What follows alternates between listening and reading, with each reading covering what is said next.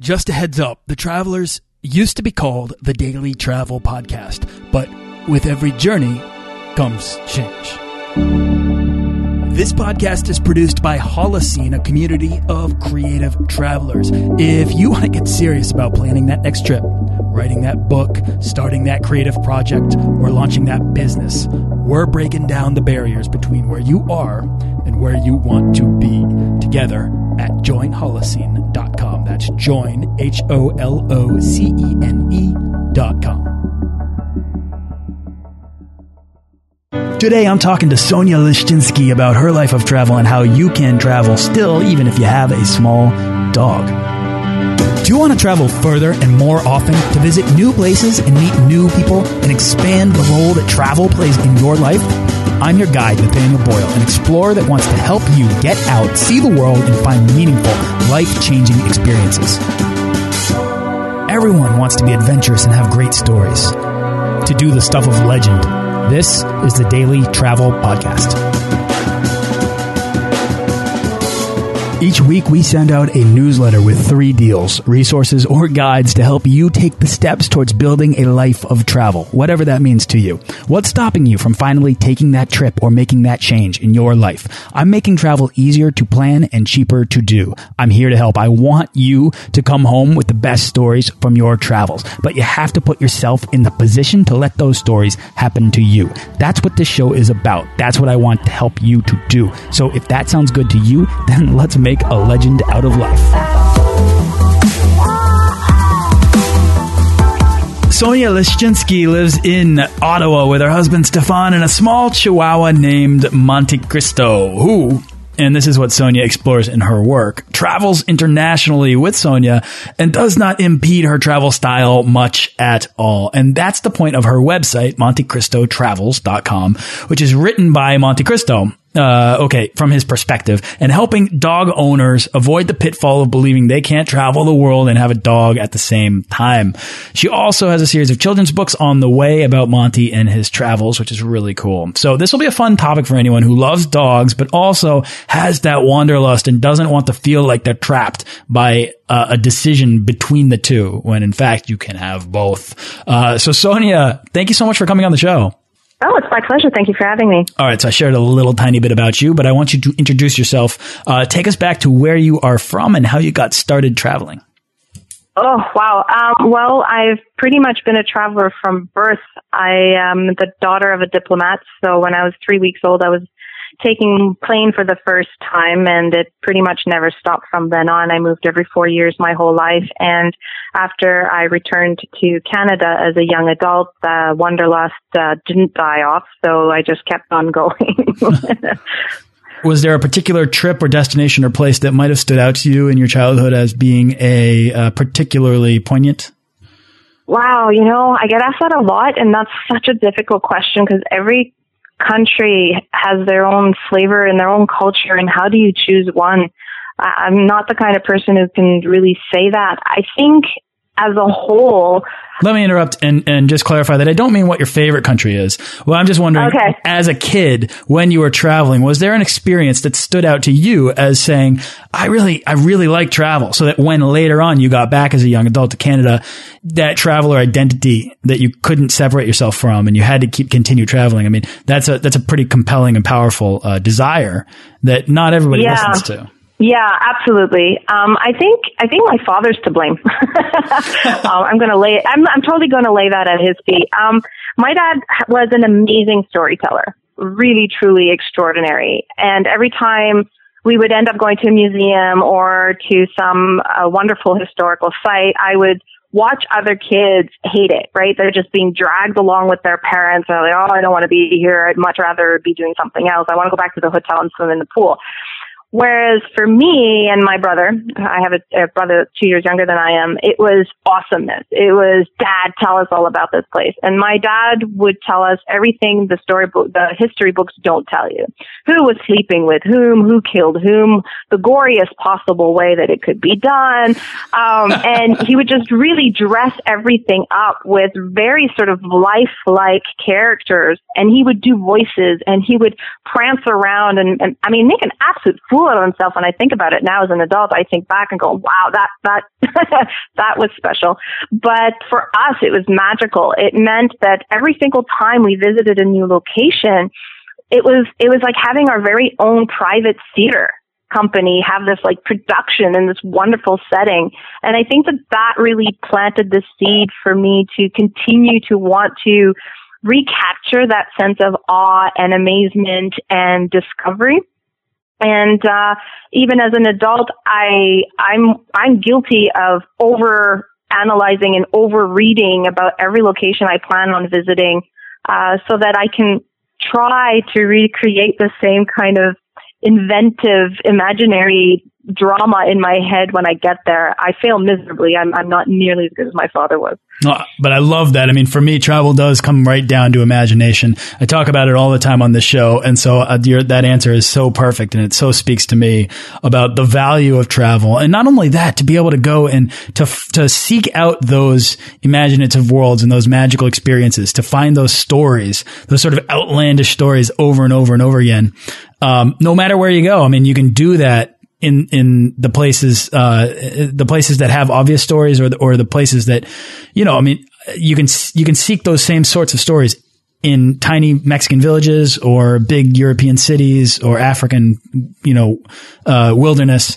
It, no matter where you are you can always take that same sort of approach and ex absolutely. explore absolutely. through it. I love that yeah, and and we and my father did. I mean, we we lived in Turkey, so we we traveled uh, extensively through Turkey. You know, Trinidad, Port of Spain, completely different environment. Didn't stop them. Uh, you know, whether it be finding the oldest tavern on uh, on location or an old you know cave somewhere that pirates maybe hid stuff in, it didn't matter. Uh, what really worked for for us anyway as a family was the fact that my father could just bring all of that history to life. And I, I still travel that way. I, everyone has their reason for traveling. Some people it's food, some people it's sports. Uh, for me, it's still searching through history, finding out the stories uh, of the past. And, and again, you know, that's probably because of my dad. Yeah. And his stories, his storytelling became your stories. Well, and it's funny because I think as a result, I also became a storyteller because the blog is written in Monte Cristo's voice, and let's face it, you know, dogs don't talk. Um, I mean, they do, but not in human words. Ah, um, okay. So I like to think I act as translator, and I think that that comic twist and that sort of slightly different approach to a travel blog, because a lot of people think that I have a dog blog, right, a pet blog. I'm like, no, you don't understand. It's a travel blog. I don't consider myself writing you know, as a writer of a pet blog. Uh, not that there's anything wrong with that, but what I'm really doing is talking about traveling. I just happen to have a very specific niche. Uh, an angle about how I how I go about that, but I think the idea to put it in Monty's voice came from my dad and his antics as a kid. And so then at what point did you think of creating this blog? Like where did this come from? Um, well, about four years ago, um, Monte Cristo came into our lives and he was he's not very big, just so you know. Um, he's full grown and he's three and a half pounds. So, I mean, he, you know, I know bunny rabbits that are bigger than he is. But, uh, so it's not like I'm, I'm traveling the world with a massive, massive animal here. Um, but it does have its own, um, serious logistics as well. But he came into our life and I realized that this little guy was going to be with us for the next 16, maybe even 20 years, depending on how lucky we get. And I love to travel. And I thought, you know what? The two cannot be mutually exclusive. So at first I thought, well, that just means I'm going to be traveling in North America a whole lot. But then I realized, well, no, I mean, there's totally easy to get to Europe.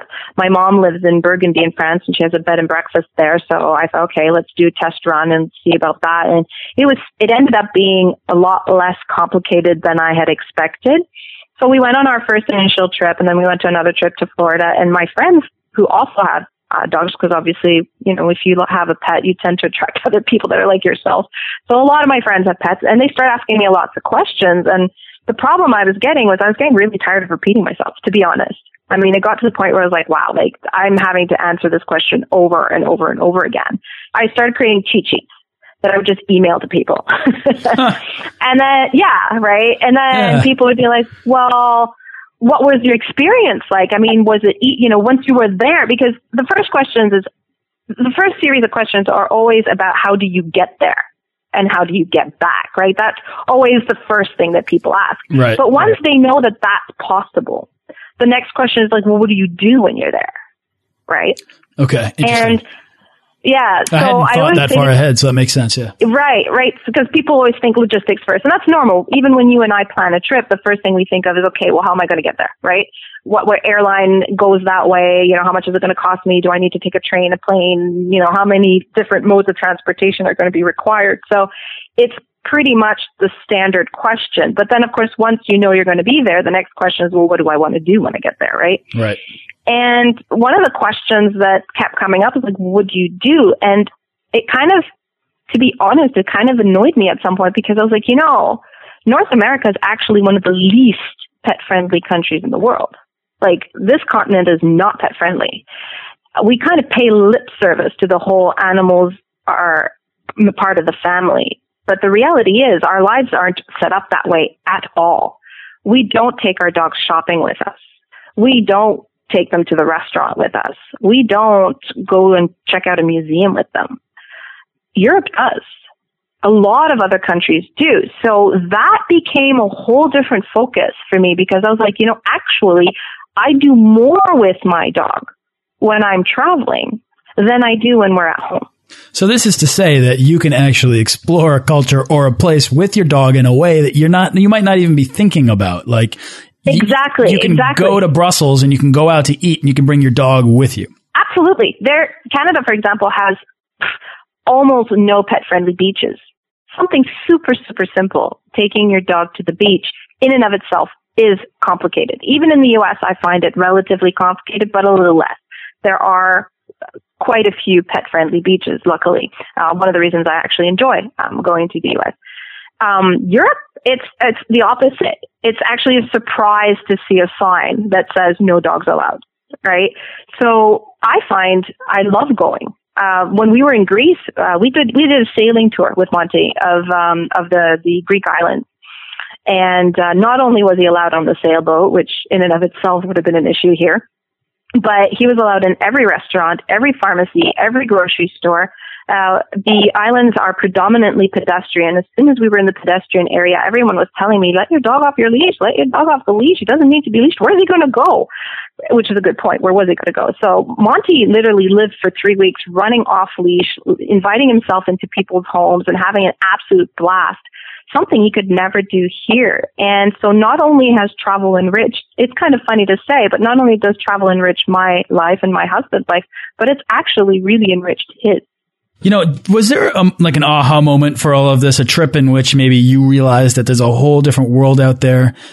Yeah, I mean, uh, the, honestly, the trip, the big trip that really sort of wow made us go, we're onto something here. Uh, was uh, we did a, a fabulous trip to Florence, uh, and we used uh, we used Florence as our sort of pied for discovering Tuscany. And so we rented a beautiful apartment there. And then, uh, you know, we went to, we ended, we went to Pisa, we went to Siena, we, we even did a day trip to Rome and everything else.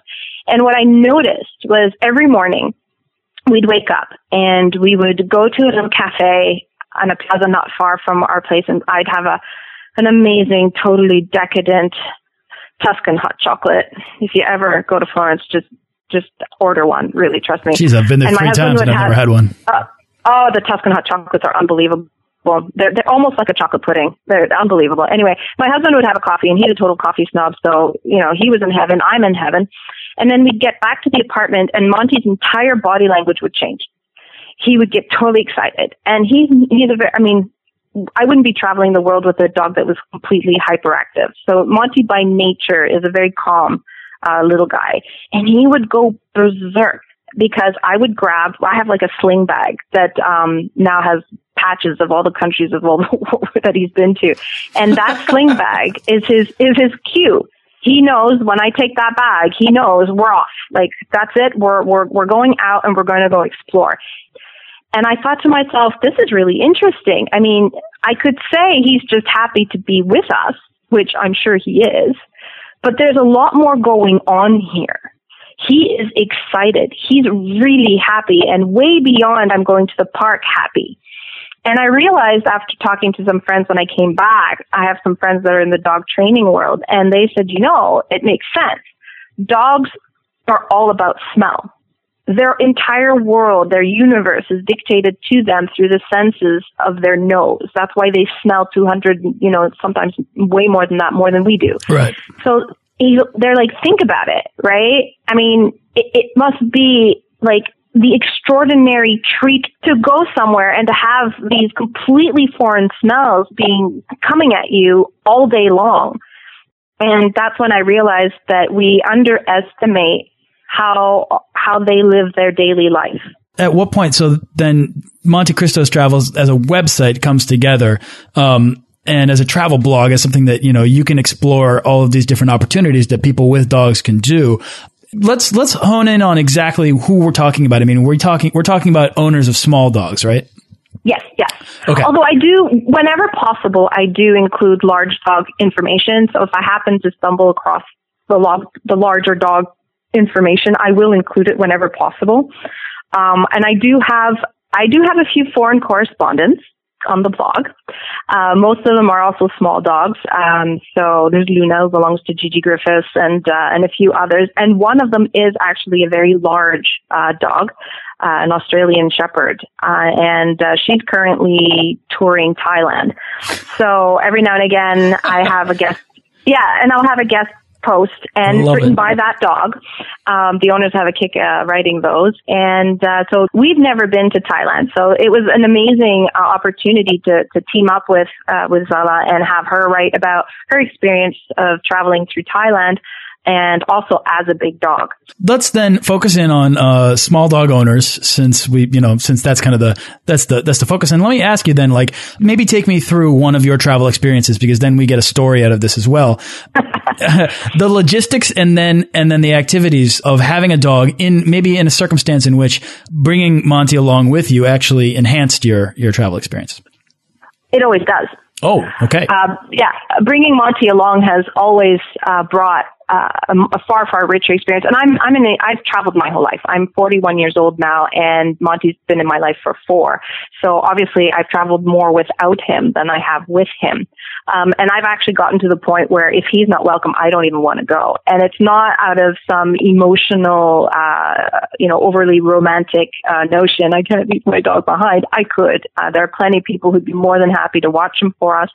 But um, the experience is so much richer for having him. The people often ask me what's the number one thing uh, that he brings that that you know that you that was unexpected. Mm-hmm. And I'll be honest with you, the number one thing is we are not treated like a tourist. People think we're locals. Oh, interesting. Right. So that is a completely different vibe.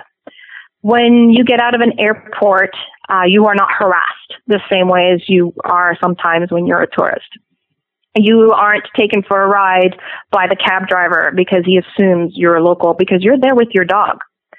Um, when I'm walking down the streets or through a plaza or hopping on and off a, a train in Switzerland or anything like that, people think I'm a local.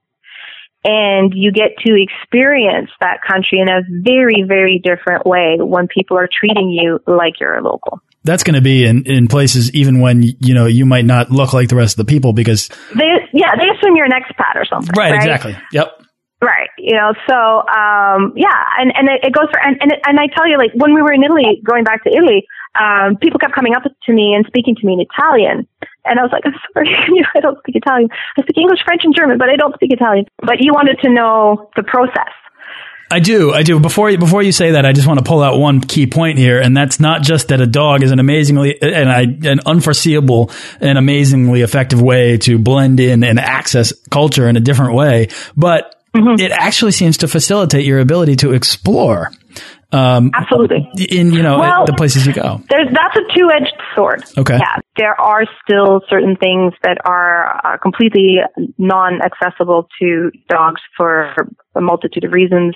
Uh, sometimes it's cultural. Uh, you know, most of the Middle East right now is not really an option for us. They're not, um, there, there's basically a no, you cannot come into the country with the dog rule there.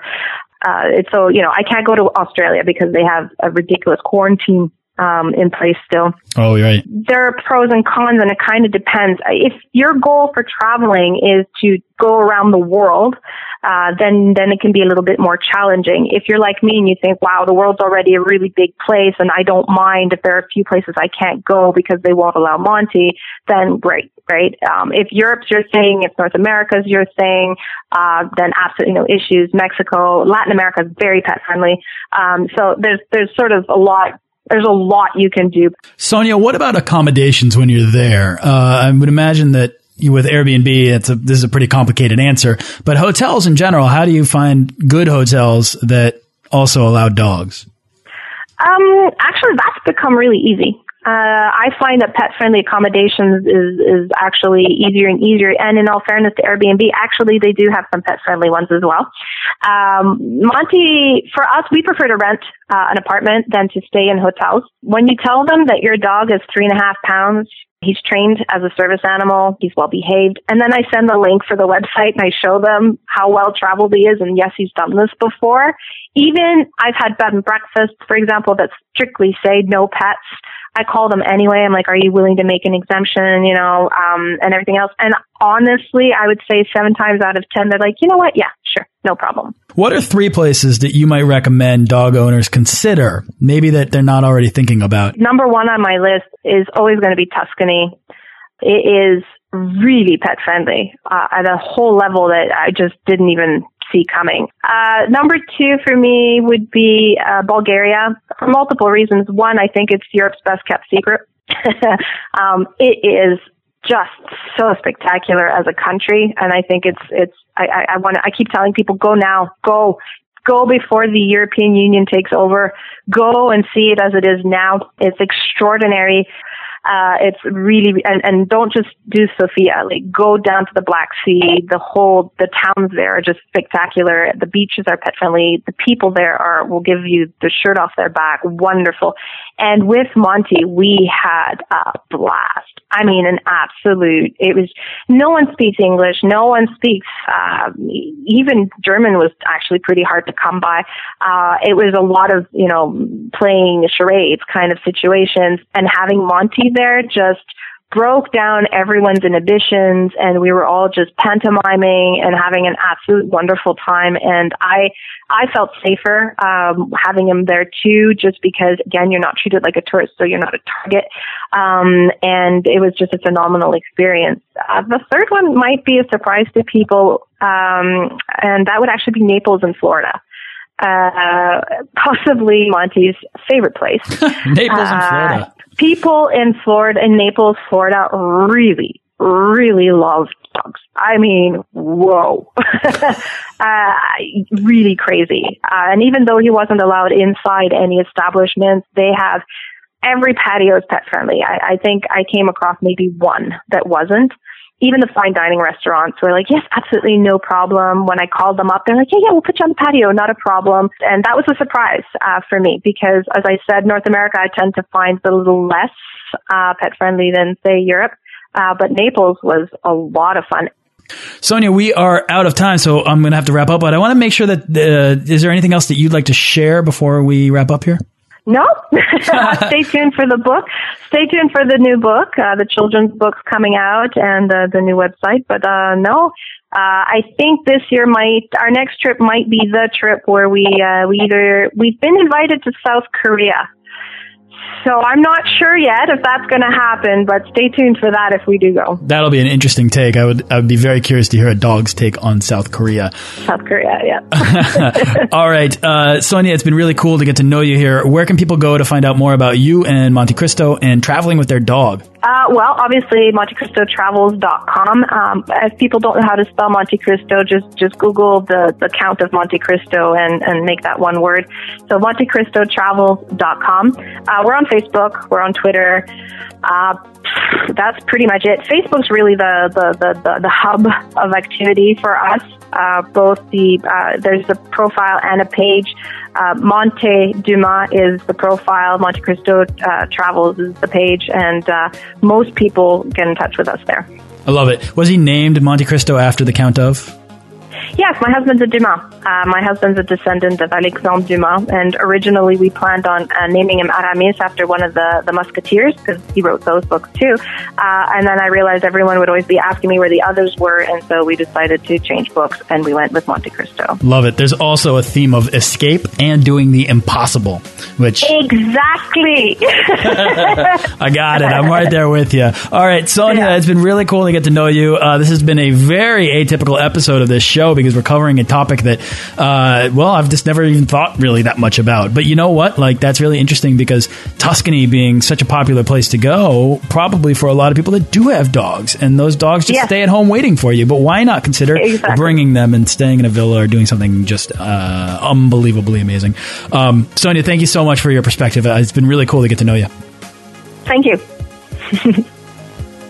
Thanks for listening to this episode of the Daily Travel Podcast. For show notes and links to everything in this episode and more, head on over to dailytravelpodcast.com. Join our Facebook page of explorers and subscribe to our newsletter for the best deals and resources to help make your next trip life changing.